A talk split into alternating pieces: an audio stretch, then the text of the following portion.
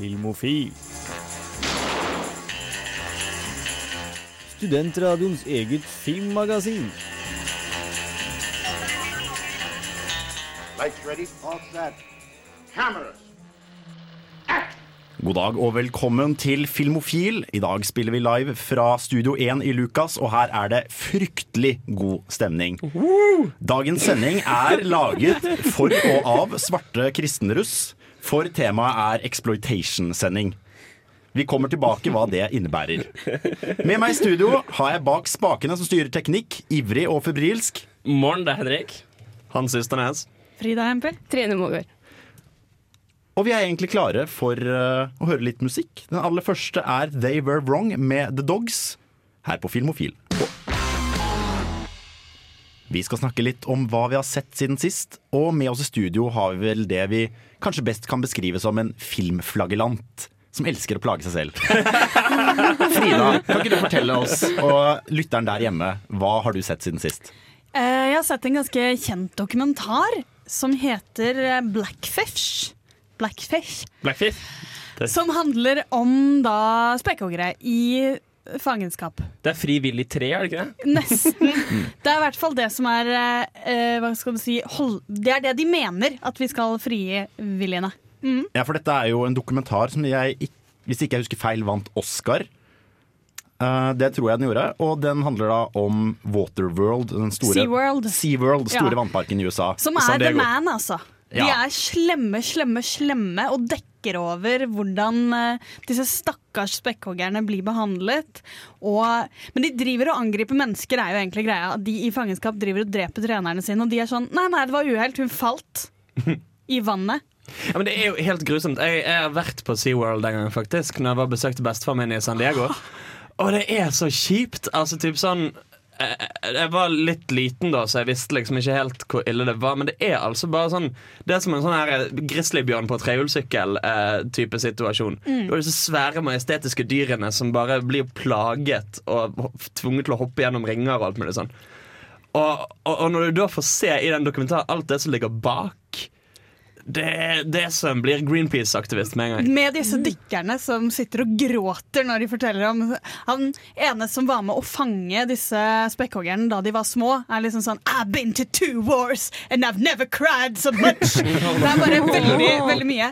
Og for meg som er redd for alt som svømmer under vann, så var, så var det ikke betryggende å vite at det er ikke bare hai som kommer. Det er også spekkhoggere, og spekkhoggere er smarte. De drar deg under vann, og så sjekker de sånn hvor lenge du kan det, Jeg har selvfølgelig plukket opp litt feil ting. Mer av spekkhoggere er skumle. Gir, gir det deg ikke da litt glede å liksom se at disse er i fangenskap og lider? For da kan vi ikke plage deg. Det tenkte jeg også. Nei, Av alle, nei. av alle fiskedyr å plage, så er disse spekkhoggerne de verste. Ja, men de skriker de på en veldig veldig hjerteskjærende måte. Det er faktisk eh, Altså, Jeg heier på meg. spekkhoggere i disse tilfellene. Drukne de der jævla dyrepasserne. Og Men de var så søte. De var, Spekkhoggerne er passerne. nei, passerne de ville jo bare vel, og alle satt der etterpå sånn Yeah, we tortured them. Yes, we were evil. Så det er veldig trist. apropos liksom plagede dyr og sånne ting. Hvordan klarte du å komme deg gjennom denne filmen? Altså, Jeg lå mye bak en pute og måtte ha pause og liksom jogge litt rundt i stua. Nei, det var egentlig mye Ja, det var, det var ikke lett. Mye bevegelse rundt i Mye bevegelse, mye hjemme i fanget til eh, kjæresten min. Apropos, apropos eh, dyremishandling. Jeg så en video av en, av en sel som overfalt en, eh, en eh, sånn ping pingvin. Apropos liksom eh, vivide bilder på internett. Og du liksom satt der og bare Damn nature, you scary! Ja, eller ja, ja kanskje Ja, ish. Ish. Uh, jeg så en film som heter 'Sleeping With Other People', som er Alison Brie og Jason Sudeikis, kom ut i 2015. Og den har ikke noen sånne spesielt bra vurderinger, noe som helst sted, sånt, men jeg syns den var kjempebra. Hvor mye har dette å gjøre med at Alison Brie var i undertøy i deler av filmen? Altså, det, det, har, det har nesten alt å gjøre med det. Ikke bare fordi det er tilfredsstillende som, som Visuelt. visuelt tilfredsstillende, men også fordi hvordan filmen behandlet det. For den, den, den gjorde det veldig tydelig, og de var alle veldig bevisst ved det. Og, og det ble behandlet på en veldig sånn der, um, avslappet og leken og seriøs måte. Så det var egentlig ikke sånn som liksom en Megan Fox-film hvor liksom det at hun er digg, er liksom bare en sånn der ting ingen andre legger spesielt mye merke til. Mens her var det sånn ja, du som er så digg, hva synes du om dette? Altså, det var en del av plottet at, hun, at alle var enige om at hun var digg. på en måte For det er, ut av det lille jeg har sett gjennom liksom YouTube og filmer og serier De syv tra trailerne jeg ja, sendte. Og ikke minst giffene og stillbildene som du tok av uh, TV-en. Nei, men det med akkurat Alison Brie er Det virker som hun er, alle er, som er involvert i produksjonen med henne, er veldig klar over at hun er digg, og prøver å liksom gjøre fremstille henne i undertøy og liksom i sexy roller, men allikevel på en litt smartere måte enn bare se titsa. Men det er jo kanskje noe med også at hun er ganske morsom. Så hun har en måte til å være sånn OK, men dette er sånn min personlighet er, og sånn her kan jeg være morsom med det. Hun bruker det på en helt annen måte som komiker, da. Og i Community så er hun jo egentlig ikke liksom et sexsymbol, fordi de, de, de, de gjør det til en såpass sånn useriøs greie. Sånn, sånn morsom greie. Da. Og der får du den herlige den der Santa Baby-scenen. Santa Baby Som da er fra Det er vel mus musical-episoden? Eller. Glee-episoden. Ja. Ja. Hvor du har. Alison Brie i sånn der skimpy nissekjole. Ja, ja, sånn sexy Og, det, og det føles så feil. ja, og, og, og, og han eh, hva, han- hva heter han? eh, Jeff. Jeff Ja. live-kommenterer, liksom. Og ender opp med å si at you know at some point you reach the diminishing returns on sexiness. Eller, eller, sånt Ja, for den Siste linjen hennes i sangen der er jo boppi, boppi, Ja, ja. bop, sex. Ja, ja, hun, hun degenererer totalt til en baby. Liksom. I hvert fall Sleeping with Other- Other People var en film jeg likte veldig godt. Altså Første del var dritbra, og så var andre del av filmen litt sånn OK pluss. Så det endte opp en ganske god opplevelse for meg, sånn all in all, de fem gangene jeg så den i løpet av den natten. Uh, en annen ting jeg så eh, Star Wars um, yeah. Nei, X-Files. Du vet alle disse rehashene som går nå. Ja, jeg, jeg klarer ikke å se forskjell, ærlig talt. Um, sesong ti av X-Files begynner nå. Det er tilbake etter gud hjelpe vet hvor mange år. Er tilbake nå og airer i kveld uh, på norsk eh, TV. Og det er noe man kanskje burde få med seg. Uansett om man var en X-Files-fan eller ikke, så er det kanskje noe man bør- burde sjekke ut. Må en ha sett uh, det tidligere X-Files for å kunne se det nye? Ja, For å få skikkelig god utnyttelse av det, så må du helst Ja. hoppe rett inn i sesong ti av en sånn herre Jo, men, eh, men det kunne hende at det var en sånn antologigreie. At det på en måte bare var å hoppe inn. Altså, noe av det um, Du får noe ut av det uten å ha sett det før. Og kanskje du får mest ut av det av å ha sett alt og være fan. Jeg trodde X-Files var veldig, veldig veldig Monster of the Week. Sånn at jo, du har ikke sett liksom utviklingen i forholdet deres, men det er ikke så viktig, for alle sånne show er på en måte like. Det, det, det, det er for så vidt et godt poeng, at, at, men forholdet deres, det will they won't-greia, var ekstremt subtil. Dette var veldig tidlig TV på den måten at de klisjeene, de tropene som er veldig vanlige nå, er kanskje ikke like sterke. Så det var en del sånne ting som skjedde litt sånn subtilt, og som tok veldig lang tid. Og de la motivasjonen til karakterene hvor det som bygde seg opp over lang tid, så for å liksom virkelig tro på det, så måtte du se alt. Men altså, du har jo program som for eksempel House, som jeg vil si at med unntak av kanskje akkurat den sesongen hvor han er på uh, sykehus og sånn. Jeg mener uh, uh, s- eh, Rehab. psykiatriske greier. Så er det en serie du kan hoppe veldig inn på, selv om det skjer masse andre ting òg. Så klarer du på en måte etter bare et par episoder sånn Å ja, ok, greit, det, det forholdet de har til hverandre. Men det, det, igjen med House er det noen ting du tar mer glede ut av hvis du har sett alt. Eksempel hans forhold til Wilson. Det er noe du tar mer glede ut av hvis du har Jo, men jeg vil alt. overhodet ikke si at det er nødvendig. Nei. Og i hvilken grad føler du på en måte at denne serien nå som du har sett litt på det, er en sånn slags De banker opp en død sitron for å bare se hvor mye den klarer å fortsette å sprelle? Det er interessant. Altså, David Duchovny har ikke mista noe av sin tilstedeværelse på skjermen. Så det er, det er ikke sånn at du føler at folk liksom går ut på scenen med rullator, og du tenker at kunne de ikke bare latt det være? Altså, Jeg har sett mange piloter denne, denne måneden her, og X-Files episode 10 av sesong Episode 1 av sesong 10 var langt ifra den dårligste. Vi skal gå videre til uh, I Have The Right To Go To Syden med The Pixel. Du hører på Filmofil, sjekk gjerne ut Facebook-siden vår. Jeg tenkte litt grann på dette med gamle liksom, skuespillere som går ut og ser ut som de allerede er fem år forbi best før-datoen. For jeg og Hans eh, satt og så Tinker Taylor Soldier Spy, Ja. hvor uh, det er veldig bevisst, og det, er, det legger til filmen, men der ser alle ut som om de er sånn litt for I am too old for this shit. Alle ser litt slitne og litt gamle ut, som passer veldig bra i en spionfilm hvor egentlig pensjonerte agenter må kalles inn for å løse en sak. Men, men det, er som, altså, altså, det føles veldig som om det er en greie som er meningen i filmen. Fordi, altså, selvfølgelig, Det er jo ingen av skuespillerne som er ungfoler. Altså, du har liksom Colin Firth um, uh, Jeg sier alltid Alan Rickman. Jeg mener Han som ikke er Alan Rickman. han som ikke er Alan Rickman. Gary Eh, Oldman. Der, ja, takk. der har vi han. Gary Oldman, du har eh, John Hurt. Altså gamle, eller gamle, i hvert fall skuespillere godt opp i årene. Men likevel ser det ut som de er sminket til å se litt sånn slitne ut. Litt sånn jeg har tilbrakt 30 år i sånn spionbyråkrati. Eh, Altså, John Hurt er jo han, eh, den er, ja, det er han som får alien ut av magen i Alien 1, og som, er det det? og som Ja. Alt-J har laget en låt om. Altså, jeg vet ikke, det, det, det navnet har plutselig fått veldig mye merkelige eh, assosiasjoner til. Jo, uh, Tinker Tailor Soldier Spy, den forsto jeg ingenting av. Nei, for, for den filmen er veldig sånn at den legger opp til at du skal få med deg betydningen av alt. Altså typ hvis, hvis ene sier 'ja, jeg fant disse filene i det skapet', og så plutselig klipper det til noe, så du må på en måte skjønne den sammenhengen. Altså Han gir deg veldig lite gratis Du må av følge med som informasjon. faen, Du må liksom. følge med som faen. Det er en film eh, Da liksom filmen var ferdig, så satt jeg og tenkte Men hvor, hvorfor Ja. skjedde det? Og så ser jeg bort på Hans. Hans, hvorfor skjedde det? Jeg vet da faen! Og det er litt, litt sånn tilfelle av at, av at du får følelsen at filmen slutter å si Filmen ser på deg bare 'Å, hva syns du om det?' Og du sier bare er du, 'Er du ferdig nå?' Var Skjønte det- du dette? her? Klapper deg helt i Ja, håret. ja, slutten på filmen?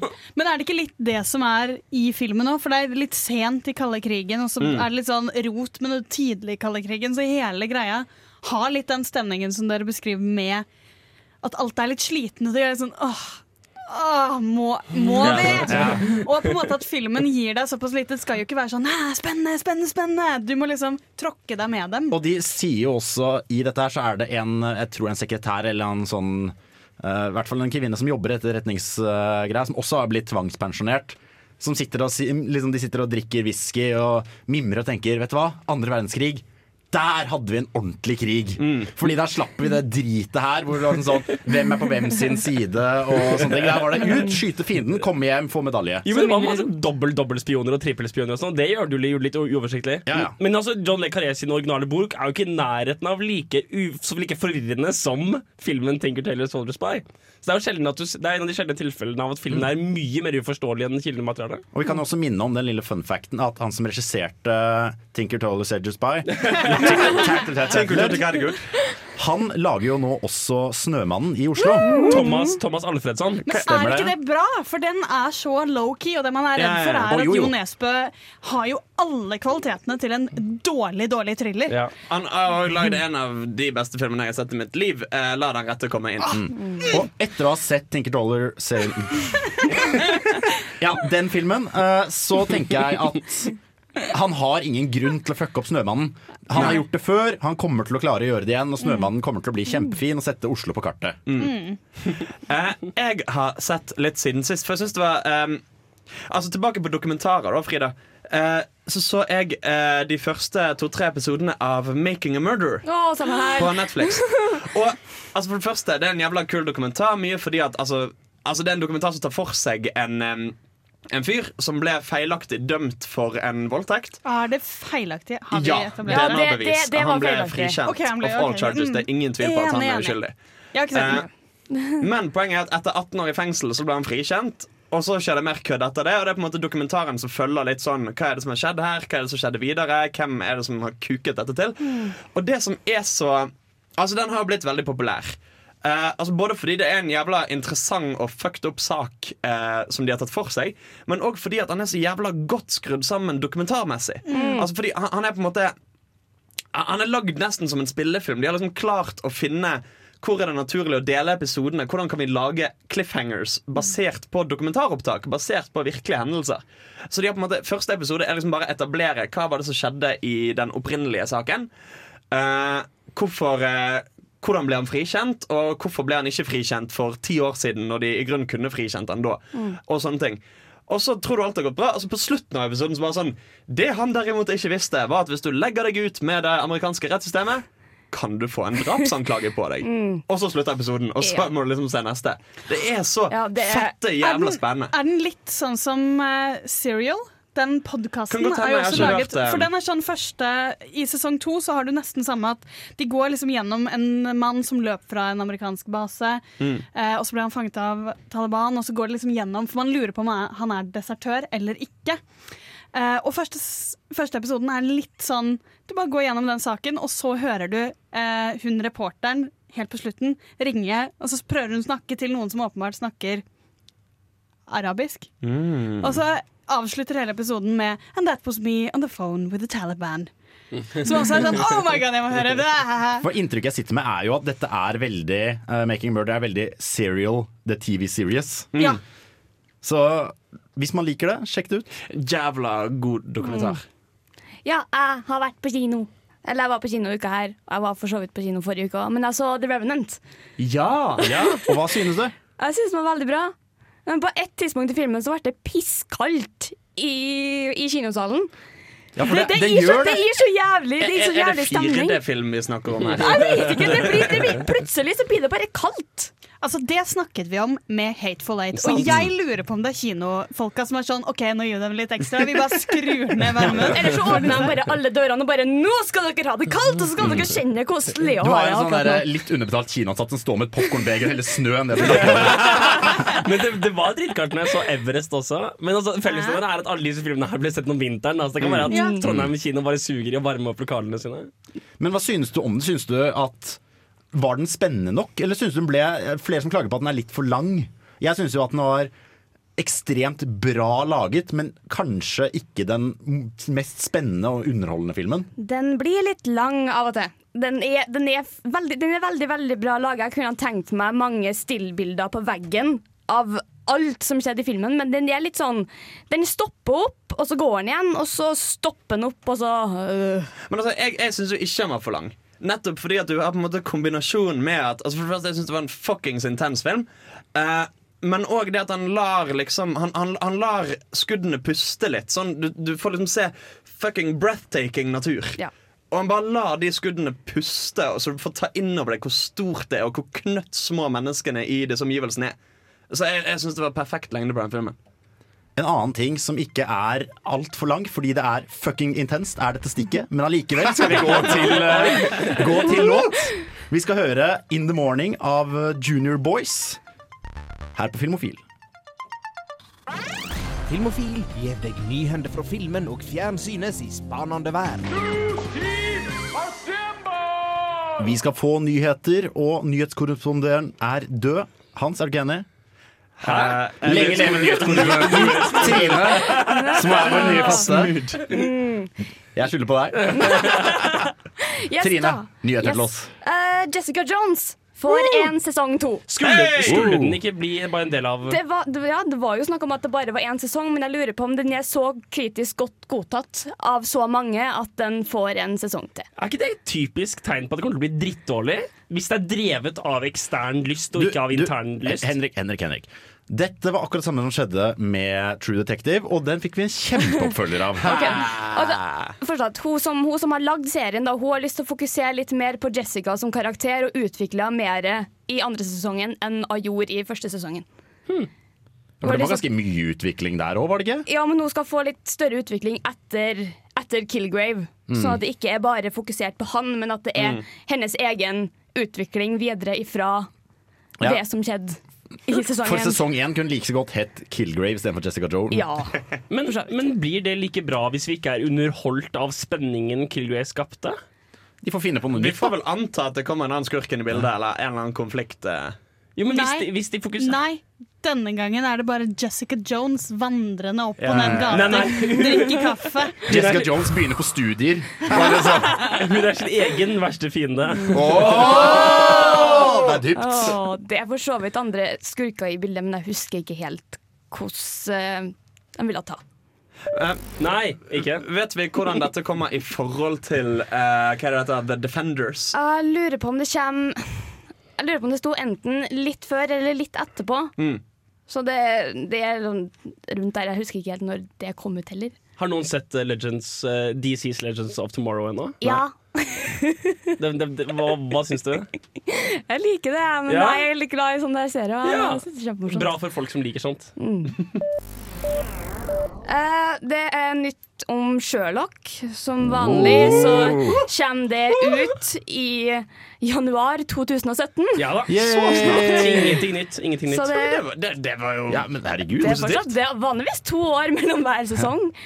Eller mellom hver gang det kommer ut noe nytt nå. Jo, men Skulle det ikke være januar 17? Var ikke det planen lenge? Jo, jeg lurer på det, men nå har de i alle fall Fastslått. Ja, fastslått men, det. altså, dette er jo snakk om så populære skuespillere at det hadde ikke overrasket meg om de sa sånn Ja, det blir 2020, folkens! Ja, ikke sant? Og det er snakk om at Tom Hiddleston skal spille Eller det er liksom sånn spekulasjon om at han skal spille den tredje broren.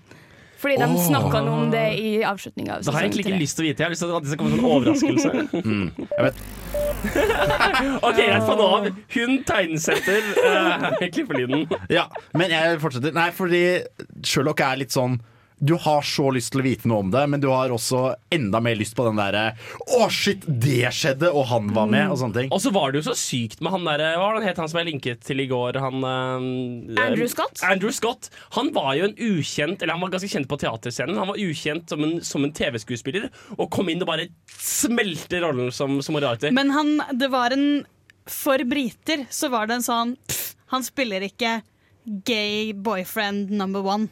Han gjorde jo det. Nei, nei men det var akkurat det at for folk, for briter de- som så den, de så så er det litt komme. som om liksom Gary Oldman kommer inn, sier 'hello', og så forsvinner en. Så er man sånn han, Jeg tipper han kommer tilbake. Ja, ok, Ja, nettopp. Er det mer nytt om den rebooten av Rocky Horror? Ja. Eh, Tim Curry skal være med som the narrator. Som hvem? The narrator, han som sitter i rullestol. Ja. Jeg gleder meg så sykt! Nei, jeg ser det. Sånn rolig dansing, rundt i studio. Men sånn resten av rollelista er egentlig ganske ukjent. Jeg synes- kommer ikke på Bortsett fra Lorraine Cox, som skal spille Frankenfurter, så er Men det, vår Rocky Horror-ekspert Frida, det var vel omtrent sånn det var med den første filmen òg. Det var ingen Starlines der. Nei, ikke det. det var jo den originale teater, teaterkastet. teaterkastet. Eh, bare at de har skiftet ut Brad og Janet, da. Med Susan Sarandon og Other Guy. Og så Meatloaf, da, selvfølgelig, som var kjent på teaterscenen som motorsyklist og sanger. oh, åpenbart ikke. Men det, det var det de sa, det var bare Altså, alle, jeg tror alle, alle unntatt Meatloaf. Meatloaf var jo var rockestjerne, tror jeg, allerede da. Det vet jeg ikke. Ja, men det var akkurat det jeg ikke For da jeg hørte det, så hørte jeg at det bare var de to som ble bytta ut. Men det hadde jo vært utrolig rart om Meatloaf hadde en liten sånn karriere på veldig veldig off-Broadway og der, der, der, der, der. Jeg håper det, egentlig. Ville du sett et burlesk-show med Meatloaf hvis du hadde sjansen? Ja! Er du gal? Da kan jeg fortelle om det fra i dag til den dagen jeg dør. Det er sant. Eh, Det er en film som skal handle om en roadtrip etter 9-11 med Michael Jackson, Marlon Brando og Elizabeth Taylor. Hæ? Yes. Eh, Det er noe sært Sky halv, en og en halv time eller noe sånn eh, program som skal gå på britisk TV. Og han som har blitt eh, satt til å spille Michael Jackson, heter Joseph Fiennes. Som har spilt i f.eks. Shakespeare in Love. Har noe med Ralph Fiennes å gjøre. Jeg vet ikke. Ok, Så det du sa nå, var et post 9-11 Rett, road... eller liksom bare sånn, det er, det er på 9-11, tror jeg. De skal ha en roadtrip for å komme seg unna New York City. Ok, Så 9-11 med Marlon Brando, Michael Jackson og roadtrip-film. Og Elizabeth Taylor. Er det du eller jeg som har fått slag nå? Nei, det her, det her er faktisk en, det er en Han er, han, er, han er broren til, til, til Ralph Fiennes. Det er faktisk en ordentlig spesial som skal gå på Sky Network i England. Ja, det høres ut som det Men, men, men, Det er veldig vanskelig å få med seg dette gjennom radio, men alle fikk nå et lite øyeblikk hvor de stirret litt ut i luften med litt sånn glassaktige øyne og tenkte Fordi jeg hva har, ikke, jeg har for så vidt ikke forstått hele tingen sjøl, men det er så rart. Men, men er dette basert på en ekte historie? Liksom, skjedde Ja, det skal tydeligvis være det. Jeg ikke Jeg tror egentlig du kan konkludere med at ingen, eh, absolutt ingen, inkludert studio, skjønner hva de driver med. Og med det skal vi høre Bad Habits Nei, rettelse State of Joy med Redheaded Sluts. Vi skal få mer nyheter, og Trine, hva har du til oss? Eh, Det kom en ny trailer til Suicide Squad. Hey! Jeg er så fornøyd! Hvorfor det? Hva er Suicide Squad igjen? Godt spørsmål. Hvordan har du ikke fått med deg dette? Jo, jeg har fått det med meg, og det ligger inni meg nå som en sånn derre øh, Nå har du glemt noe. Fader, hva, hva er det Suicide Squad er? Eh, jeg forklare med Suicide Squad? Nei, Altså, altså, Suicide Squad er Guardians of the Galaxy med Marvel-skurker. DC, DC. DC. Herregud, jeg beklager. DC-skurker. Jesus. Så du har The Joker, Harley Quinn, uh, Killer Croc, Uh, en gjeng skurker, småskurker fra DC-universet som blir satt sammen i en sånn band of misfits for å på en måte gå inn og gjøre den jobben de snille ikke kan gjøre. Har DC fortsatt eh, ikke klart å lage én god superheltfilm, eller har de Hallo, uh, The Dark Knight.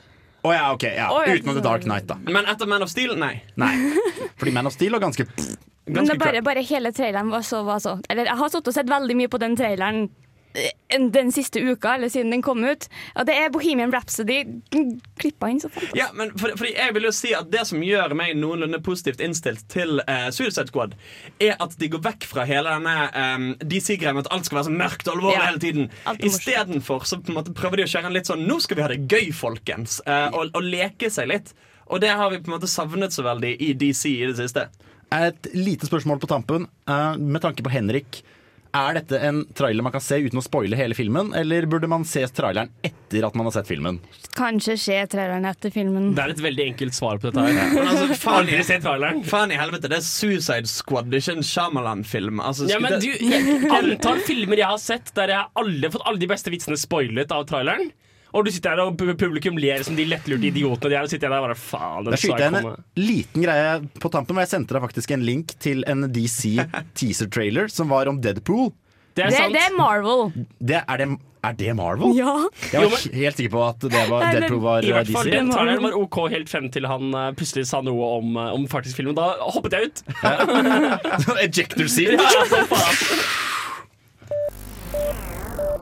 Skal vi se.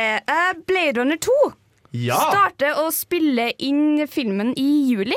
Med han godeste regissøren Villeneux, eller hva han heter. Fransk. Han lagde i hvert fall 'Prisoners'. Oh. Så han har laget ekstremt bra filmer, og han har laget 'Sicario', som også er Ja. Og begge de filmene er langsomme, psykologiske, og hadde Roger Deakins som eh, cinematograf, som jeg tror også Blade Runner 2 har. Jeg er ikke sikker. Jeg tror, En av Blade Runner-filmene, i hvert fall, for han vant et eller annet for det. ja, ok. Eh, Men i hvert fall, jeg tror fordi Villeneuve og Roger Dickens har blitt litt sånn bestevenner, så de går hånd i hånd gjennom filmproduksjon, og har da laget 'Sicario' og uh, 'Prisoners', som er ekstremt pene. Ekstremt Å, pene! men tenk deg så flott. da. liksom, um, Blade Runner sin estetikk med moderne teknologi og Roger Deakins til å styre. Det må jo bli en så nydelig film. Mm. Jeg tenk, har jo tenkt at Blade Runner 2 Nei, faen! Det blir litt sånn der ny rob, mod, hva heter det? Robocop? Eller sånt da. Mobocop. Eh, men med tanke på at det er de to menneskene som står og har klørne i denne fingeren, denne filmen, så tror jeg egentlig det kommer til å bli bra. Men det som er vanskelig med sånne filmer som Blade Runner og også Matrix på en måte var litt problematisk. Bare akkurat det der at det er en filosofisk idé som på en måte er det sentrale. Sånn at å skulle følge opp sånn mer tanker om samme ting blir mindre interessant. Og det er også filmer som i utgangspunktet ikke var laget for stort publikum. Ikke sant? Dette er filmer som var laget for det var, det var en realisering av en veldig sterk visjon som skaperen hadde. Og det å prøve å gjenskape det blir en helt annen eh, artistisk prosess. Yes. Det er én liten en. Liten en. Uh, Deadpool har blitt banna i Kina. Selvfølgelig. selvfølgelig, selvfølgelig. Av hvilken grunn? Rated R, tenker jeg meg. Det, det er sikkert en grunn. Det, det, sånn, det, Det er ikke sånn at han som går og spyr antikommunistisk propaganda. jeg tror det er bare det, det er litt for graphical. Malvannonse! Løper han videre. Bare, bare for å gjøre det, liksom. Men det er jo egentlig litt relevant, egentlig, fordi f.eks. Skyfall gjorde det stort i Kina. Det har blitt en større og større greie å få global inntjening fra Øst-Asia, og spesielt Kina. Ja, Kina har blitt et kjempemarked. Og Så hvis det er jo egentlig litt dumt for Deadpool. Hvis ikke jeg husker feil, så tror jeg faktisk Transformers spilte inn mer i Kina enn den gjorde i sant, den, den, den nyeste. eh, spilte inn mer i Kina enn den gjorde i USA, og det sier jo litt om at det er et marked som ikke lar seg ignorere i det hele tatt. Men Deadpool har jo allerede brutt første regel, som er ikke få rated R. Ja, sånn at stemmer. på en måte, de, de som har laget den, har jo visst dette her. De har ikke vært sånn Hæ? Kan du ikke si kokk? Ikke for NC17 er det skal rated R er helt greit. Å ja, er det Fader. Ja. For rated R, da kan du si fuck og sånne ting, men du kan ikke vise liksom Full frontal nudity. Å Ja. ja, men da, da er det litt mer synd på Ja. Deadpool. Stakkars. Hvis de har holdt seg innenfor rated OK, R høres mye verre Ja, ut det. Det gjør det, det gjør det, det gjør. Ja, fordi NC17 var gammel. Rated X. OK, jeg husker Ja. det. Rated Dette her har vi Altså, snakket om, vi. NC17 betyr altså er du under 17, du får ikke lov å gå inn og se den. Ikke sant. Blankt. Eh, R er mer flytende. For hvis du hadde fått det, og så vært sånn Hæ?! Folk er 30 Hva er greia med Kina? Altså, Kino består utelukkende av 16-åringer. Ja, Ja, ja. Jeg, jeg vet ikke om det var rasistisk eller ikke. Hvilken stereotyp baserer det seg på? i så fall? De er lave. Jeg vet ikke. Vi kan tenke litt på dette her, men enn så lenge, før vi får anmeldelsen av The Big Short, skal vi høre Bad Habits av The Last Shadow Puppets.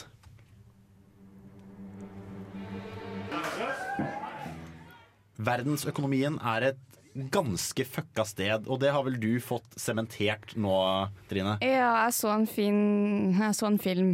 En film. En film, en film om krakket i 2008. Ja. Hvilken av dem? Eh, verdensøkonomien. Het den det? Er det norsk Nei. film? Nei, den er amerikansk.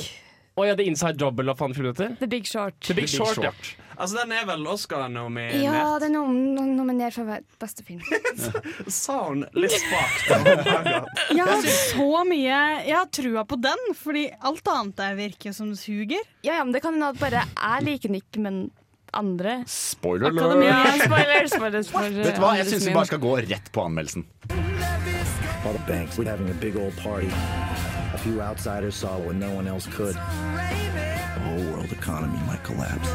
Nå er det igjen Oscarsesong, som betyr at vi i lille Norge endelig får noen av de nominerte filmene til våre kinosaler. De har gått lenge i amerikanske kinosaler, så nå får vi dem endelig hit.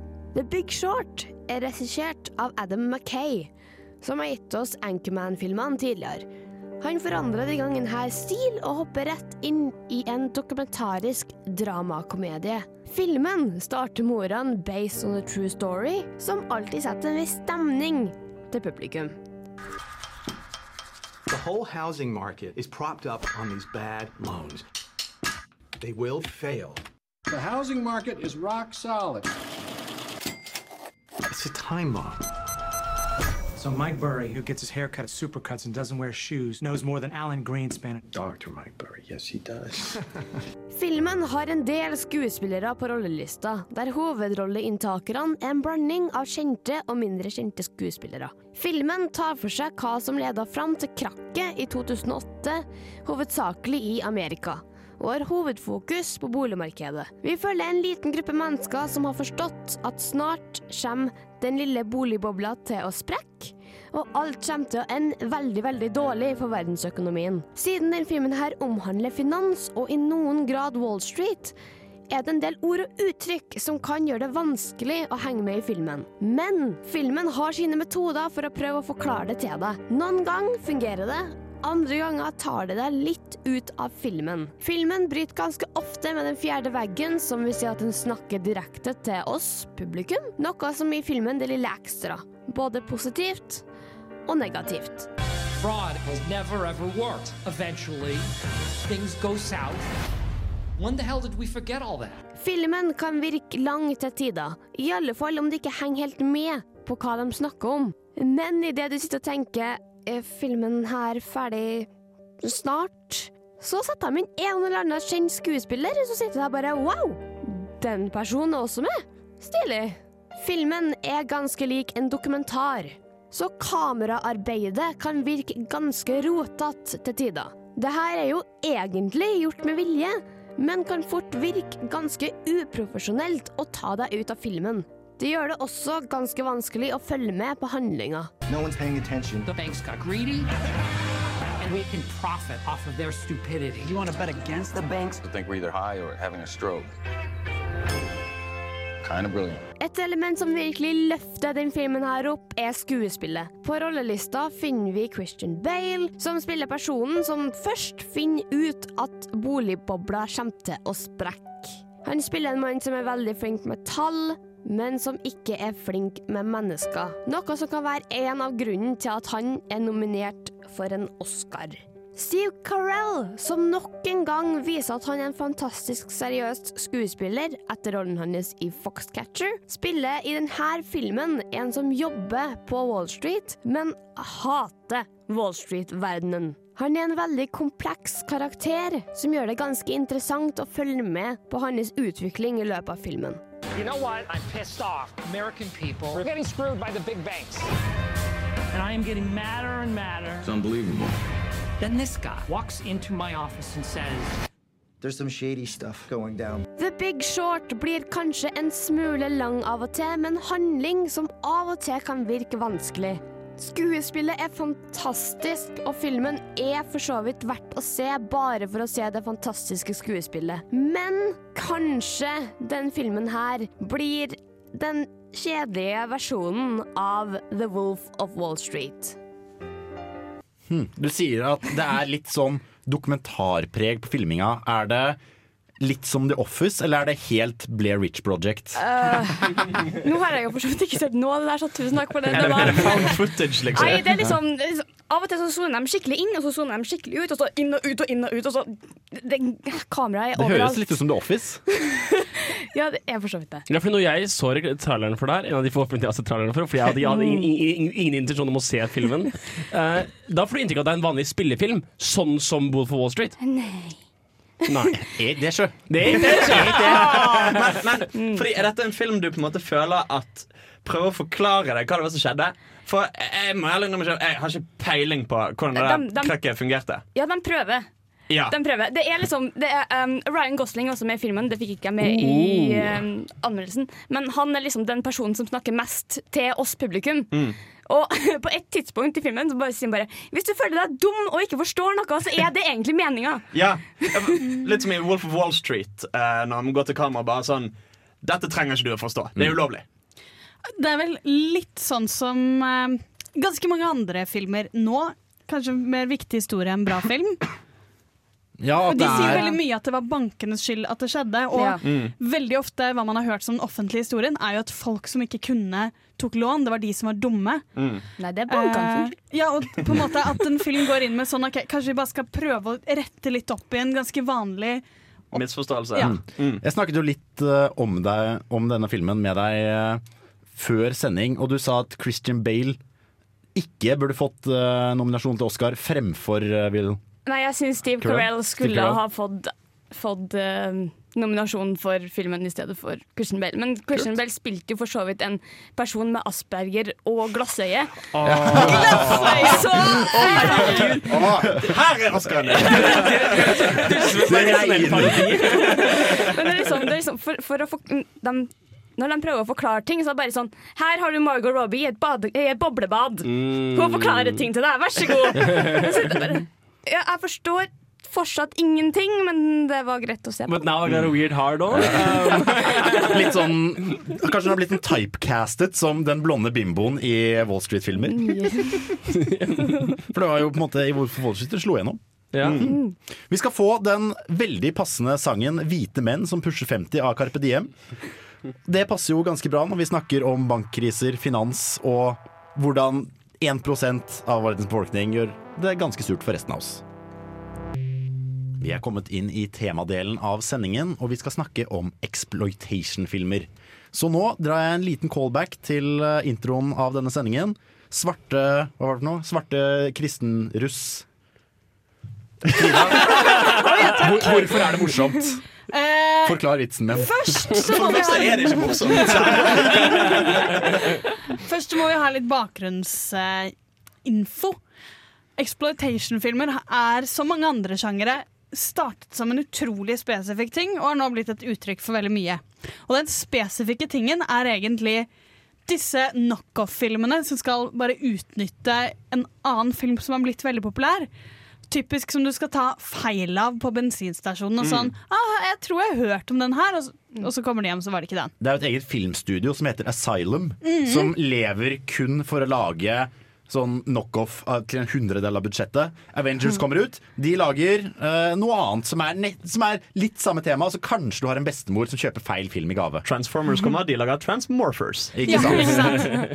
uh, og, og de er egentlig de som gjør det originale, da. Ja. Dette med at du ser ja, Transformers, Transmorphers, den skal være billig. Fordi den er laget bare for inntjening, egentlig. Og dette, dette har blitt en egen subsjanger som heter mockbusters. Ja.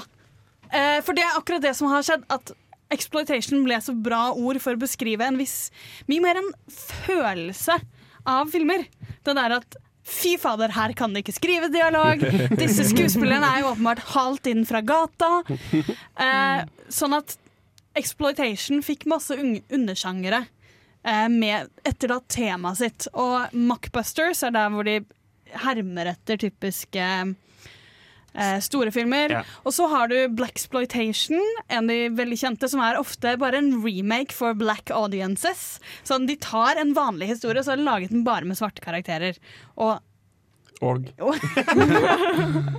eh, jeg, jeg snudde meg. Jeg snakket Ja. i snuen. Å ja. Og ja, ja, og hva du skulle si?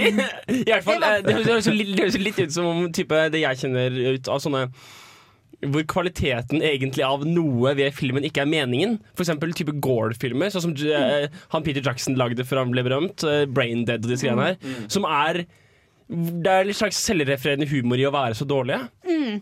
Og de er jo på en måte de, de filmene Gore-filmene refererer til, er jo da exploitation-filmer. Mm. Mye mer eh, enn Hva mener du med refererer til? Altså, det er jo de originalt dårlige. Disse Peter Jackson-filmene er jo laget med intensjonen at de skal være dårlige. Ja. Uh, og exploitation-filmer tidlig var ikke ment å være dårlig. Det var ment at de skulle tjene inn penger. Eh, og den litt brede det sjangeren det. skal også på en måte være in, altså, ment oppriktig. Men, men for, for, for det som er interessant, er jo at du ser mange moderne filmskapere som i veldig, kanskje like stor grad som av vanlige filmer har latt seg inspirere veldig av nettopp exploitation-filmer. Altså typ Tarantino, Rodriguez med hele Grindhouse-prosjektet sitt. Uh, fucking Spring Breakers. Altså filmer som har veldig, veldig tatt inspirasjon fra disse knockoff-filmene fra før i tiden. Det starta jo for så vidt for å være en konkurranse mot TV-en. Fordi, fordi på mm, mm, 50-60-tallet Nå nå rundt Enig. Der rundt der omkring. Det er det verste jeg har hatt om det. I gamle det er liksom- dager. mm, Jeg tror ikke annet sånn... at liksom- professoren din ikke hører på. Men det er bare sånn TV-en var stort, og det måtte bare produseres masse masse, masse filmer for å få folk til å gå på kino. Ja. Mm. Og da ble det jo produsert kjempemange B-filmer som var crap. Rett og slett. Ja, Mm. For det er jo sånn- også enda tidligere så har jo de disse Frankenstein versus Dracula og Werewolf in America og gudene vet. Alle de der skikkelig ræva monsterfilmene. Og er det en Mm. slags form for exploitation? Det er vel absolutt exploitation. Uh, American Werewolf in London er jo en del av undersjangeren Britsploitation. For den har liksom bredt seg ut. Og noe av det jeg tror var en viktig, en viktig del av hvorfor de er så populære, og hvorfor folk holder seg til det, var at de er veldig klare voksenfilmer. Mm.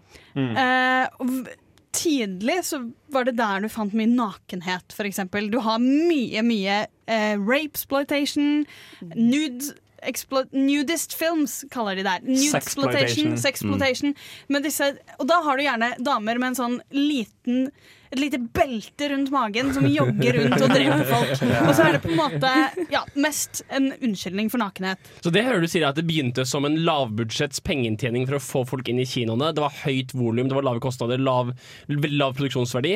Mm. Og så har det blitt til en satiresjanger. Ja, for jeg tror det For det er, sånn jeg kjenner det, er noe helt annet. Jeg kjenner det som nuns! Slutty nuns with big guns! Det er det jeg kjenner det sånn, liksom. Men de, de, de forholdt jo seg ikke til Hays Code. Hæ? De holdt seg ikke til den koden som var i Amerika på den tida, der liksom alt måtte godkjennes. Alt måtte, du måtte ha det stempelet her, for å, du måtte ha the seal of approval for Mm. å få filmen din i kinosalen. Så det var liksom De gikk forbi Hays-koden og bare her, her har du masse annet som du kan sitte og se på. For det, som- det er litt sånn de innså at Folk går ikke og ser for plottet her, folk går og ser fordi de Sjokkverdi, liksom. Ja, for sjokkverdi, og For fordi de ikke får det noen andre steder. De følger ikke reglene, så da hei! Og da er det jo ikke noe rart at det blir spennende og at folk fortsetter å referere til det, når det er den eneste gjengen som driver De, måtte, de kunne vel ikke ha en bred distri distribusjon, så det er vel Nei. liksom på Det blir jo også da for de litt utvalgte som gikk på de stedene hvor man kunne Mm. vise disse knockoff-filmene. Vi skal komme tilbake dette med litt sånn satirepreg på hele sjangeren. For ukas hjemmelekse er Black Dynamite, som vi skal snakke om etter at vi hører Flesh Without Blood av Grimes.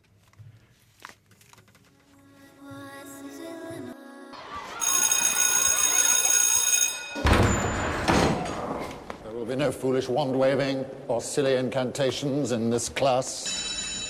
No, okay, that's it for the day then.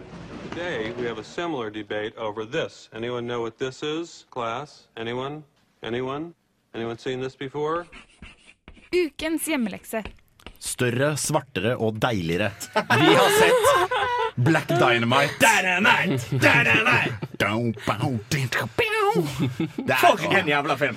For en jævla film. Det er eh, terningkast jævla film. Terningkast, holy shit! Det er en film eh, jeg satt og så med Hans og tenkte at vet du hva, uansett hvilken score denne har fått på IMDb, så er det rettferdiggjort. Om denne får om, om, Og derfor bryr jeg meg ikke. Om denne får en treer på IMDb eller en 8,9, så er begge like riktig. Dette er faktisk en film du ikke kan gi terningkast på, vil jeg si. Fordi den, Ja. den er den er så selvbevisst og på en måte så bra og dårlig samtidig at det er, åh, det er en fantastisk cocktail. Ja, for den har jo perfeksjonert det Henrik snakket om, at nå har det blitt en sånn satiresjanger. Og Black Dynamite er jo på en måte alle klisjeene man kunne komme på i, i sånne filmer. The man took, killed his brother and flooded orphanages with heroin. Det, er bare, det bare er deilig morsomt. Og det er bare liksom de er så utrolig selvbevisste på det. De gjør veldig mye sånn eh, noe metahumor, hvor de da har en mic boom som kommer inn i bildet. Og så så, så står skuespilleren og st står og prater, liksom sånn, og så ser du mikken er sånn Det er, det er så ser han opp på den, og så, så inn i kameraet, og så fortsetter han å prate. Det Men jeg syns den klarer veldig godt eh, å ikke bli sånn he-he selvbevisst. Ja, ja, Den er morsom hele tiden, og det er helt åpenbart at de vet på en måte Jo da, det er dritt, men det er jo ikke dritt. Det er en veldig Mm. fengende film, og det er ikke liksom sånn at de ler av oss. Nei, nei. Og han er så herlig uforutsigbar. Ja, Ja, Oh virkelig. for å si det sånn Klimakset Jeg hadde aldri sett for meg at det var der det kom til å ende. Nei, det er faktisk et kjempekompliment til den filmen. Den er, du kan ikke se hvor det går hen. Du kjenner igjen alle klisjeene når de kommer, men du kan aldri se dem fem sekunder i forveien. Men er det da en exploitation-film hvis den er så på en måte selvrefererende og intensjonelt morsom? Jeg vil si at det er, eh, det er en omasj til exploitation-filmene og spiller på det som gjør at folk ser dem i dag fordi de er dårlige. Ja, okay. Litt sånn Du setter på en film, jekker tre pils med noen kompiser, og så er det kjempegøy, for å, eh, kjempegøy med å se på filmer som aldri var laget for kvalitet, men kun for å tjene penger. Så det er et interessant tilfelle av en film som egentlig er en, eh, en komediefilm, men som gleder på samme måten som exploitation-filmer gleder på. Ja, det er litt det at Jeg tror du kan se en exploitation-film og få veldig mye av den samme gleden. Bare ikke så tettpakket. Du får kanskje noe av de samme vitsene, og, og der skjedde det gøy og det gøy. Mens eh, Black Dynamite er en film som tar seg selv så useriøst, men allikevel har så peiling på hva den er, at du sitter liksom og ler fra start til slutt. og vi har et lite klipp her hvor Black Dynamite står da uh, i bare bokser fordi han har liksom, uh, noen har prøvd å snike seg på han, og så har han klart å snike seg bak en vegg. Tar og overrasker dem. Og så er det da gamlekompisen hans som nå jobber i politiet, og han forteller da om flashbacks fra Vietnam. I remember Vietnam like it was yesterday. I remember that village in Tai Ninh that we cut down. It was a massacre. All the dead Chinamen we left in our tracks. I remember the faces, the children. This one child I'll never forget. Poor little bastard was still alive. Little Chinese legs were blown clean off. Still see his little shins and feet hanging from the ceiling fan across the hut. He was charred from his head down to his little Chinese knees. He tried to get up, but he fell over when what was left of his right leg broke off. As he laid there, flat on his face, he looked up at me. His little Chinese eyes burned right into my stomach, deep into my soul. He said something to me in Chinese. Like, Boko Sao sounds like some cartoon shit, but I understood it to be a question that he was asking me. And I don't have to know how to speak Chinese to know what that question was. Why, Black Dynamite? Why? Det er helt sykt hvor eh, Altså dette er, jeg, jeg er veldig eksportørs til den grad av at de, de tar det så langt. Og de er så sykt eh, ubehøvlet. Mm. Å ja, ja. Det er, jo, det er jo pupper og drap og sex i den filmen. Det er virkelig Det er helt fantastisk. Nydelig er det. Og dette er jo på en måte en, Det er jo en trist uh, historie han forteller her. Men, men det blir så morsomt, for det er, det der, det er jo dette her med dårlig skrevet His little. Chinese legs. Just legs and shoes. Men de klarer liksom å få med seg akkurat den der at når folk prøver å skrive og ikke er så gode, og Mm. prøver å skrive tra tragedie, så blir det alltid sånn Hei, bare legg på alt! Alt jeg vet om så Soleile. Og du trodde det var stoppet der? Nei! Hvor da også Et sitat fra den filmen er hvor han kommer uh, midt inn i en sånn pimpkonferanse, hvor alle sitter liksom i sånn baggy silkeklær med pelskrage og sånn, og sier han liksom I won't have any of you selling drugs in the community. Og så en av dem svarer But Black Dynamite, I do sell drugs in the community! det, er, det er så overstated at det er Å, herregud, som jeg lo. Og så en annen hvor de skal finne ut av en sånn en konspirasjon. Og så bare sier han et eller annet om uh, The chicken they have here, it melts in your mouth. Og så bare What did you just say? melts in your mouth. What else melts in your mouth? M&M's. Og så beveger de seg videre. Til slutt kommer de fram til liksom at en eller annen sånn type sprit krymper pikken til folk. Kun via sånne semilogiske slutninger. Det er kjempegøy. Så ender det selvfølgelig med at du får se en krympet penis i all sin prakt. Ja, ja, ja. Fordi her legger de ikke fingrene mellom. Hvorpå de skyter han fordi at livet med en så liten penis er ikke verdt å leve. Det er rett og slett, for alle dere som ikke har eh, sett den, så er dette her en film som dere bare må få med dere. Dette er en film jeg absolutt vil anbefale å se på et vors. Det setter stemninga for resten av kvelden, og dere kommer til å dra sitater fra den i mange måneder fremover. Men nå skal vi få høre Anesthesize Lesson med Gum. Nå prater vi om exploitation-filmer som med mindre det er ekstremt mange kilometer med ironisk distanse inni der, så er det dritt. Men trenger det alltid å stemme, Frida? Nei eh, Eller jeg vet ikke. Det, det er vel Jo! Nei! Nei! Det Det- Jeg ser for meg sånn du starter en bil med sånn sveivetak. Er ikke tilfellet at det kan være dritt, men god underholdning? At det er dritt, at selve filmen er dritt, at filmteknisk er det dritt, men som det den er innenfor sin sjanger, så er det verdifullt fordi det gir deg Det å se drittfilmen er en glede. Jeg tror det har vært en viktig del av eh, skrekkfilmutviklingen. Og du har jo den eh, første zombiefilmen som slo gjennom, 'Night of the Living Dead'. Mm. Det er jo en Det var jo exploitation, exploitation-film. Eller mer i B-film, da. Egentlig mer. Men, men det som er Sånn som Asylum, de mener jo ikke engang å lage noe bra. Og der er liksom forskjellen som blir det noe annet når du bare er sånn ha-ha, se på det drittet vi spyr ut, og du må le. Sharknado. For jeg syns jo jeg, sy- jeg synes måte Det er et skille her. For jeg har jo sett en del Asylum-filmer. Og det er ikke alle som er like gøy. Eh, det, det skal være sagt. Men um, du har på en måte Du har forskjellen Du har, du har Sharknado, som åpenbart aldri var ment å være bra. Eh, hvor du på en måte tenker at sånn Altså Med liksom subtitlen Oh, hell no! Så jeg kan at Her er de bare gått inn for Ok, dette er populært for det er teit og cheesy. Da lager vi mer teit og cheesy Men så har du filmer som for eksempel eh, The Coed and the Zombie Stoner.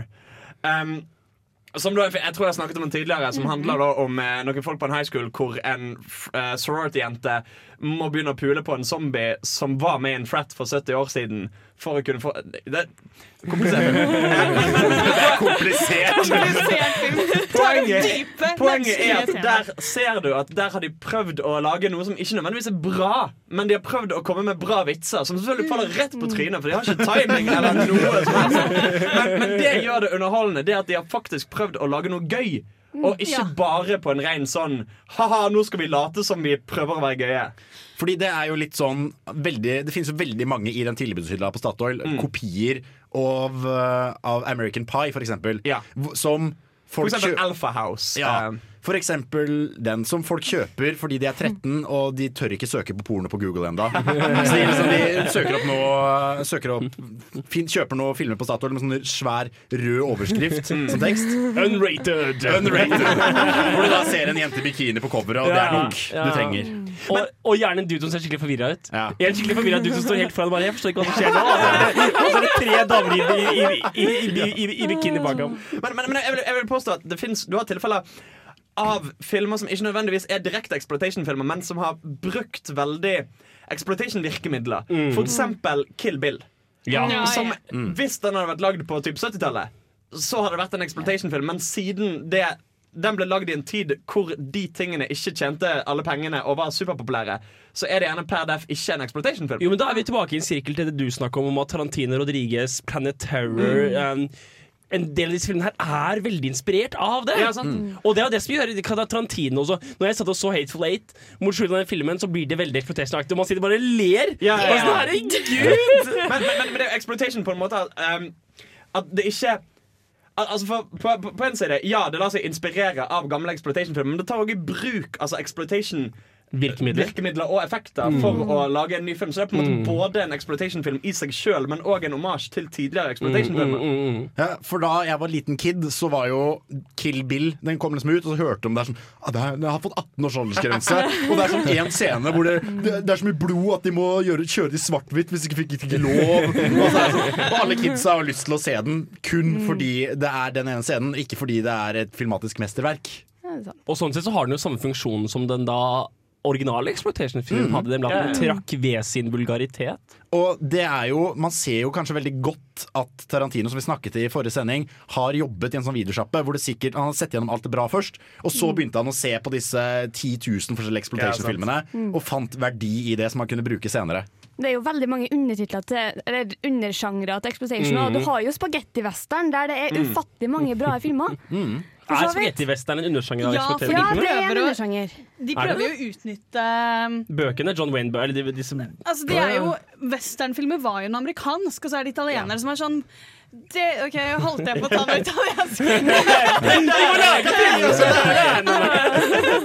Vi var rasistiske for deg. Vi tok den kula. og, men endte opp med å gjøre det så mye bedre. Ja. Og det er jo, men det er kanskje mer et spesialtilfelle. Ja. Og jeg vil jo si at eh, en litt stor forskjell på sånn Asylum-dårlige filmer og disse som bare er dårlige, som er de fleste exploitation-filmene man ser, er sånn Noe av det som er tilfredsstillende, er at noen er arrogante nok til å komme sånn Se hva jeg har laget. Dette, skal du, dette kan du se på. Og så ser du på, så er det sånn er ingen grunn her til at du skal være stolt av ting. Altså, æsj! Og det er jo en sjanger vi ikke har nevnt, utenom at Hans var litt innom det, er jo sånn weedsplotation. Hvis man kan kalle det. Ja, fordi der er det jo. Det er mye dårlig, men så har du jo også uh, f.eks. Pineapple Express. oh, yes. Som er sånn Jeg ser for meg at folk sitter med liksom to poser nachos hver, og så bare fyrer opp en bong, og så ser de den. Fordi de ser den ikke nødvendigvis for filmen i seg selv, men bare fordi det er sånn hyllest til det å være høy. Og, det, og den, den stemninga, på en måte. Mm. Litt sånn careless, et eller annet. Løpe rundt, skyte folk, Jo, det, det tenker jeg er litt, litt sånn fascinerende med exploitation-filmer. At Når de blir gjort skikkelig bra, så klarer de å skape en, en stemning til. Og jeg tenker at I den grad uh, horrorfilmer begynte som exploitation-filmer Du sa at Night of the Living Dead var den første horrorfilmen. Det var egentlig en exploitation-film. Så tar du det videre til Dawn of the Dead, som er en genuint bra film. Som bruker mye exploitation-verktøy. Du har vulgaritet, de folka er litt vulgære, det er mye blod, det er mye gørr. Men filmen klarer å skape en ordentlig bra stemning som gjør det til en dritbra film. Kanskje exploitation-filmer er et godt grunnlag Eller hva skal man si, en godt, god ramme for å lage en film som, hvis den er bra, skaper en dritbra følelse. Godt poeng. Takk. Godt poeng. Takk. Du kommer med veldig gode punkter. Og vi skal nå høre gruppa eh, Kompani 69, som eh, har låta Ro ned. Det er, eh, hørt litt på den her, det er litt sånn eh, klovner i kampstemning over det. Tre gutter fra Harstad ved navn eh, RSP, Megafon og Tommy Payne. Ja, ja. Så, jeg, det, jeg ser for meg at dette er noe de har laget i garasjen, men det er litt kult. Hør etter.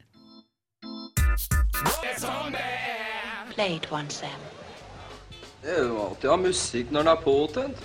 Helst noe indisk eller pakistansk. Ukas filmlåt. Ja. Anytime. Frida, du, har, eh, du skulle introdusere den her. Og jeg, skulle, jeg ventet på å få ordet fra deg. Jo, men det er fint, for nå skal jeg eh, vise dere en film Nei, en sang, dere låt dere ikke har lyst til å høre. Det er vel egentlig greia. Ja. Eh, eh, den, den er egentlig bare fantastisk som rip-off, fordi det High School Musical ble jo som mange av oss vet, er meget populær fordi den er bra. Ja. Egentlig. Eller den er i hvert fall, der har de gode sanger, de har sjarmerende skuespillere. Og Team Exploitation. Mm, Ja, nei, men den er jo i hvert fall Disney Channel. Ja. Ungdom for ungdom. Av ungdom, Mm. holdt jeg på å si. Eh, men eh, den er ikke veldig tro mot de kristne verdiene. Nei. Må vi De kysser kanskje ikke før i tredje film, men Og det antydes jo at han ene er homofil. ja, det gjør det. Så eh, de har i hvert fall bestemt seg for at den filmen skal de lage en remake av. Og da kommer den fantastiske Sunday School Musical. Og eh, nå har jeg faktisk sett gjennom alle sangene. Jeg gadd ikke hele Så du ikke filmen?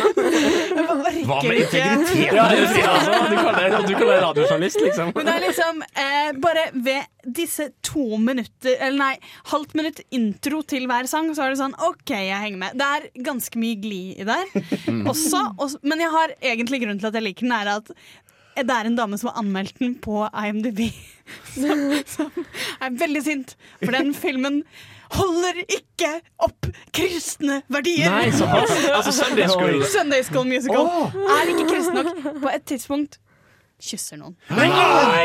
Og de de er ikke gifte eller noe, liksom? Nei, ikke gifte. Å, nei, nei. Trigger warning, altså. Er. Jesus, det- var dagen min. Så eh, ikke verdt å se. Verdt å lese den, eh, den lille anbefalingen. Og her eh, jeg kan si Det er to stykker som krangler fordi det er en fyr.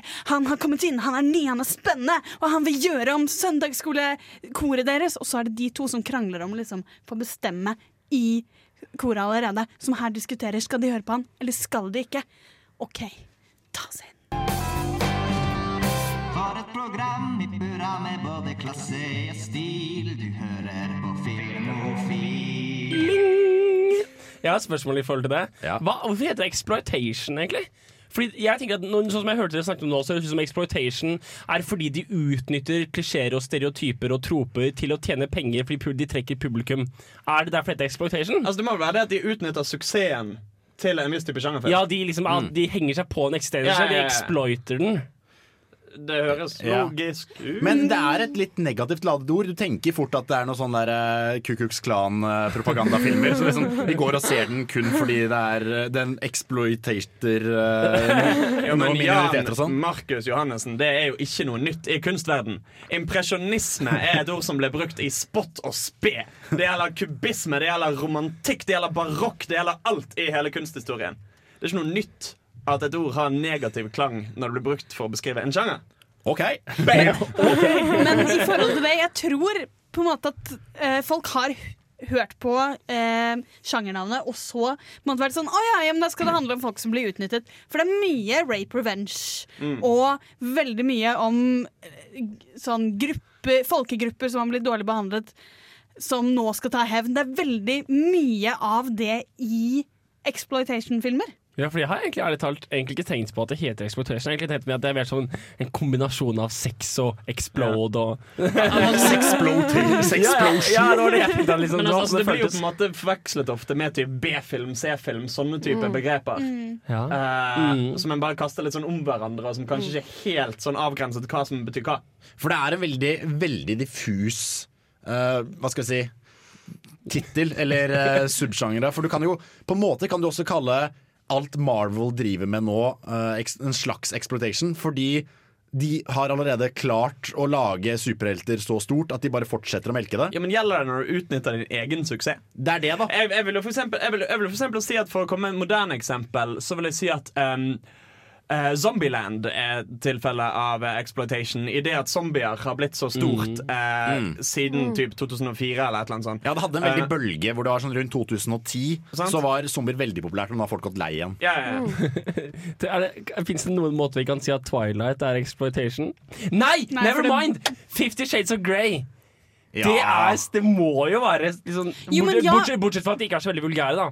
Men de er veldig vulgære Ja. på den der men det husmorporno-klisjeen. blir jo, det blir jo den De utnytter jo ikke noen andres eh, suksess. Du, alt som kommer og prøver å være Fifty Shades, vil jo være for, mer du, for du har jo fått en rekke bøker eh, i typ samme sånn her eh, Oh, The Bondage Girls, eller hva er det de heter. yeah. Som, er, Diaries, som, ja, ja, som er typ uh, Fifty Shades Grey rip-offs. Yeah. Som da, altså De er ikke blitt laget film av ennå. Men uh, som Jeg liker den håpefulle jenta. Det er sikkert, det er sikkert like rundt hjørnet, vet du. men, men, men poenget da er at det er bøk, på en måte exploitation-bøker. Vet du hva jeg savner? Jeg savner en kristen husmorporno. Det sånn- finnes. må jo finnes. Ja, sånn, sånn. Ja, hvor de har, de har kun gift sex, men litt, litt kinky. Er det ikke det som er, er, det ikke det som er daytime soap opera-TV-shows? Er det ikke det det? Er ikke det gift? De har veldig mye utrosex, Ja, tror jeg. Ja, og det kan man ikke ha noe av. Men det som er veldig interessant med eh, disse filmene, er jo at siden de var aldri ment for det store publikum, de er ment for en veldig avgrenset del. Mm. Som Mm. for eksempel at du har remake for black audiences. Mm. Og sånn, så er det jo noen av dem Eller mange snakkes om som om der får du faktisk Selv om det er drittfilmer og det er ikke bra skrevet, så får du at det er litt progressivt. Fordi Mm. de for eksempel var tidlig ute med å la svarte mennesker være i hovedrollen. At de var tidlig ute med å snakke om voldtekt, selv om de gjorde det på en ræva måte. Altså At du har noe veldig progressivt ved disse hemmelige, hemmelige, hemmelige filmene. Hvis når vi snakket om kultfilmer, Mm. så snakket vi også om at, det var, at de, det var, kultfilmer var definert som at det, fikk, det var lokal og sterk følgegruppe, liten følgegruppe som var veldig ivrig og fikk en sånn legendestatus. Vil du da si at ofte vil disse exploitation-filmene her bli til kultfilmer? På en måte? Nøyaktig det jeg sier. Ja, Takk, takk. ja, det er jo mange av dem som får en kultfollowing. A Clockwork Orange var jo for så vidt en exploitation-film når den kom ut. Ja, det vil jeg nesten si, med Ultra Violence og Det var Stanley Kubrick, Ja, på, på den andre siden så er det litt det at når du har en så stor, kjent regissør hvor bare navnet trekker eh, publikum, så blir det vanskelig å Men kalle det en sånn vaskeekte exploitation-film. Fordi den er for stor? Mm. Ja. Men du har, eh, jeg må bare nevne, for jeg har sett én norsk sexploitation-film. Yes. Den Oh. eneste, eller nei, nå er det laget to. Eh, Hora. Hvis noen har sett Hora. Nei. Jeg har Jeg spolt meg gjennom. har det. Den er Du har spolt deg gjennom? Ja. Okay. Det er mest ligging. Ja, okay. Eller er mest voldtekt, da. Ja. Eh, det er en dame som blir voldtatt av tre menn, og så risser de hora i panna hennes, og så går hun på sånn og skal hevne seg, og så driver hun og skyter Mye gørr og vold Det var mye sånn. gørr og vold, og på en måte Det er basically Kill Bill, da, bare i Norge. Bare ikke bra. Nei, jeg forstår. Jeg forstår. Eh, først og fremst så var jo på en måte dialogen er ganske dårlig, og sånn, men du merker sånn Det var veldig kult at dere prøvde å gå litt ordentlig inn i dette med voldtekt. Sånn, de viser det ganske grafisk, og selvfølgelig altfor seksualisert. Men, så man blir hele tiden sittende med en sånn derre eh, Dette kunne funket. Dette kunne vært dere som faktisk tok opp et litt Mm. vanskelig tema. Fordi det liksom ligger litt utafor. Dere er ikke ment for Det er ingen som er sånn Hæ, men hva med barna som kommer og ser på Hora? Som ikke skjønte hvordan type film det var. De på en måte har et Nå for tiden er det så lite voksenfilm. Mm. Og de har de, Det er noen av de få filmene som fortsatt har et lite rom der du kan si Nei, men dette her er bare for voksne. Ærlig talt. Når er denne filmen fra? Den er fra 2009. Ok, fordi jeg lurer litt på Hva er det vi har i dag som er Er liksom de store exploitation-sjangerne som fortsatt brukes? Altså, fordi det, det, det har på en måte en ting jeg kjenner jeg oppriktig lurer litt på. Hvor går grensen mellom hva som er Altså hva som er exploitation-film, og hva som er mer parodi slash slash homage-film. Fordi i Norge for eksempel, så har vi disse Jeg husker aldri om det er Wirkola eller Svart som har lagd de. Eh. Kill Buljo, eh, Tomme legende, tønner? Fjordheksa, eh, Død snø. Mm. De filmene der. Som på en måte kan ses på både som exploitation-filmer i og med at Zombiegreiene? Som, zombiegreiene, for eksempel. Som at Kill Buljo kom ikke så lenge etter Kill Bill. Mm. Uh, Sagn om Fjordheksa kom jo uh, omtrent med liksom Cloverfield og Paranormal Activity og alle dette find, found footage-greiene. var Mm. Selv om Blair Witch Project var en stund siden den var kommet. Mm. Eh, men samtidig så blir det veldig sånn parodisk. Altså Der skjønner du det ikke er meningen at det skal være bra. Mm. Uh, så, så på en måte hvor går grensen der? da? Hva, hva gjør om det er en parodi eller om det er exploitation? Eller kan det være begge deler? Jeg tror faktisk det går litt under begge deler. Eh, og fun fact også er Da jeg så Død snø på kino, så er det den eneste filmen jeg har sett hvor folk reiste seg opp og begynte å gå. Fordi når de begynner å spille dansebandmusikk og dreper folk med motorsag, da var det tydeligvis en familie på fjerde rad som hadde fått nok. Jo, men Det er vel meningen. Det er det som er definisjonen på en exploitation-film. Det er sånn, vet du hva, hvis du, ikke, hvis du har litt sånn skjøre holdt på å si, testikler, for å ta metaforen videre, så, så, så er, du, da er ikke dette for deg. Mm. Og kanskje det er litt sånn exploitation. Avgrense publikum, ta det helt ut, vær Mm. vulgær, utforsk, liksom. Men jeg tenker, Frida, det du snakket om, var at den filmen kunne vært bra i å kommentere voldtekt og en del sånne Mm. sosiale greier. Er ikke exploitation-filmer Skal det egentlig ikke være selvreferens? Skal det egentlig ikke være kommenterende? Skal det egentlig bare vise det? Mm. Så de skal egentlig være litt tankeløse, på en måte. Ja, for hvis det er, hvis det er liksom et sosialt Ja, er oppgjør med samfunnsnormer Mm. og sånne ting, så vil jeg ikke kalle det exploitation. Ja, da er det noe annet. Det er jo for eksempel Night of the Living Dead. Det er jo absolutt om eh, kommunister. Så jeg tror på en måte mm, Det er veldig mange som ender opp med å være politisk. Ja. Og der er det vel kanskje litt det at for at exploitation skal føles som exploitation, så må det være litt dårlig. Så det må bomme litt i alle retninger. Men, for, for du har jo av og til filmer som sier overraskende mye. Altså for eksempel Teeth, hvis noen her har sett den. Nei. Om kvinnen med tenner i vaginaen sin. Eh, som er en tullefilm og veldig sånn body horror, veldig sånn lavbudsjett, uh, kjapt skrudd sammen. Men som sier en del om typ, uh, maktbalanse mellom kvinner og menn, og voldtekt og kjønnsroller og seksualitet og seksualitetsundervisning, og har faktisk en del gode budskap å komme med. Mm. Så det trenger faktisk ikke ha noe Hva skal jeg si, Det kan ha et budskap og allikevel være så grovt og gørrete at det går som exploitation. Vi trekker konklusjonene her i Filmofil. Nå skal du få høre Astre med låta New New. Vi har hørt at uh, ukas filmlåt er et populært tema nå, så vi følger opp med en uh, ukas filmlåt. Ikke like bra som originalen, men vi har en til. Det er 'Ecstasy of Gold' fra må vi, vi må nesten ta en liten exploitation-greie. Ja. Ukas filmlåt! Det er best, det er nytt, det er bra! Denne, denne spiller vi på tredobbelt volum, Stenger alle høyttalerne. Men det er da uh, 'Ecstasy of Gold' fra filmen 'The Good, The Bad and The Ugly' av Ennio. Morricone, som er hva skal jeg si, Det er en exploitation-film i og med at det er en spagettivestern som var veldig populært på den tiden. Mm. Men det er også en ekstremt god film. Ja, for, for, for tilfeller hvor exploitation altså, fakt, Ennio Morricone er en av tidenes dyktigste filmkomponister. Har ikke han også jobbet i Vi søkte han opp på IMDb, han har skrevet musikk til 428 filmer. Han har skrevet masse, masse musikk. Eh, og til en del crappy filmer òg. Eh, men han har en sånn særegen stil, og på en måte de tidlige uh, spagettivestern-soundtrackene som bare er sånn basically Vi har en gitar, vi har en mandolin og en cymbal. Det er det vi har jobbet med. Uh, lag noe kult. The Goodie Band Øgle, som bare en liten sånn kommentar til den filmen. Det er en veldig fascinerende film. Det er en av kremeksemplene for min del av filmer som du, du må ha god tid for å, for å se Mm. den. Mm. Det er ikke en film, og jeg er jo spesielt utålmodig til å se film, men, Hvem du? men jeg må jo virkelig ha god tid. Det må være søndag, jeg må helst være bakfull, og jeg må ikke ha noen planer før lørdagen halvannen uke frem i tid. Det er, det er så, som altså for eksempel Lawrence of Arabia, samme greia. Det gutter meg, det er Ugly, For a Few Dollars, Fist for a Dollars. Disse filmene her. Du må ha skikkelig god tid og du sitter og slapper av. Og liksom, du må klare å liksom sitte litt kontemplativ med tomt hode og se på Clint Eastwood stirre ut, ut mot horisonten. Altså, for min del er det jo en av de filmene hvor, man, hvor jeg husker veldig å tenke sånn Fy fader, det er verdt å liksom sitte og Ja. kjenne seg litt. Mm. ass, Mm. Fordi det blir bra når du er forbi den sånn Skal ikke noen skyte Ja. hverandre snart? Er en, er en moderne eksempel på det den der Stalker-filmen du så? uh, Nei, det tror er jeg er moderne. neste, neste nivå. Ja, det er neste nivå. Det er sånn transkjeving. sånn, hvor du sitter og ikke vet hva det heter sjæl engang. Men, men spagettivesteren er jo en av de få eh, eksemplene hvor de er bedre. Ja. De enn det de exploiter. Ja. Det, det, det de eks eksplosjonerer. Det de, altså det de prøver å være med på Det skjedde jo at de de antageligvis har en helt annen filmtradisjon og Mm. klarte å tilføre noe som Det er jo spagettivestern vi snakker om når man skal snakke om westernfilmer. Og spagettivestern er jo da filmer som sier de foregår i Amerika, men er filmet i Italia. Ja. Mm. Sånn uh, hvis noen Og av lurte. spanske skuespillere kommer de Ja. dubbet over replikkene av andre amerikanske skuespillere. Så der kommer jo også da exploitation uh, Hva skal jeg si, uh, dimensjonen av det.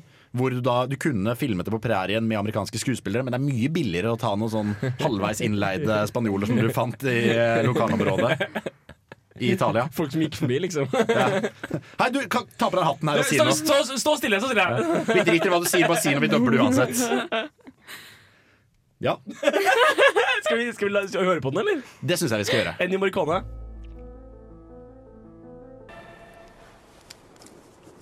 Hva hører du på? Nei, det er litt sånn spesielt. Jeg tror ikke det er noe du har hørt om, egentlig. Å ja. Test meg ut, da. Ok. Filmofil. Faen, mann, det er jo en klassiker. Satan, har du hørt det? Jeg skal ha hørt om det. Vi har kommet til Filmofils siste stikk for denne torsdagen. Den har satt seg, eller? Ja, men du skulle snakke over, poenget. Jeg, jeg klarer jo ikke. Jeg, klarer ikke. jeg blir jo satt ut av dine Ja. fortryllende toner. Ja, nei, ja. Nei, men uh, vi skal begynne å tenke på neste sending om en uke. Det er da mat som virkemiddel i Mm. film. Og vi skal se filmen hjem, Ukas hjemlekse er sjokolade. Det noe kroppslige og noe sensuelle. Med Johnny Depp. Med Hvor han Depp. ser ut som et så jævla stort klassetryne. Vi har i denne sendingen vært Hans. Henrik. Frida. Trine. og Jan Markus, som du hører nå. Vi håper dere har kost dere. Takk for oss.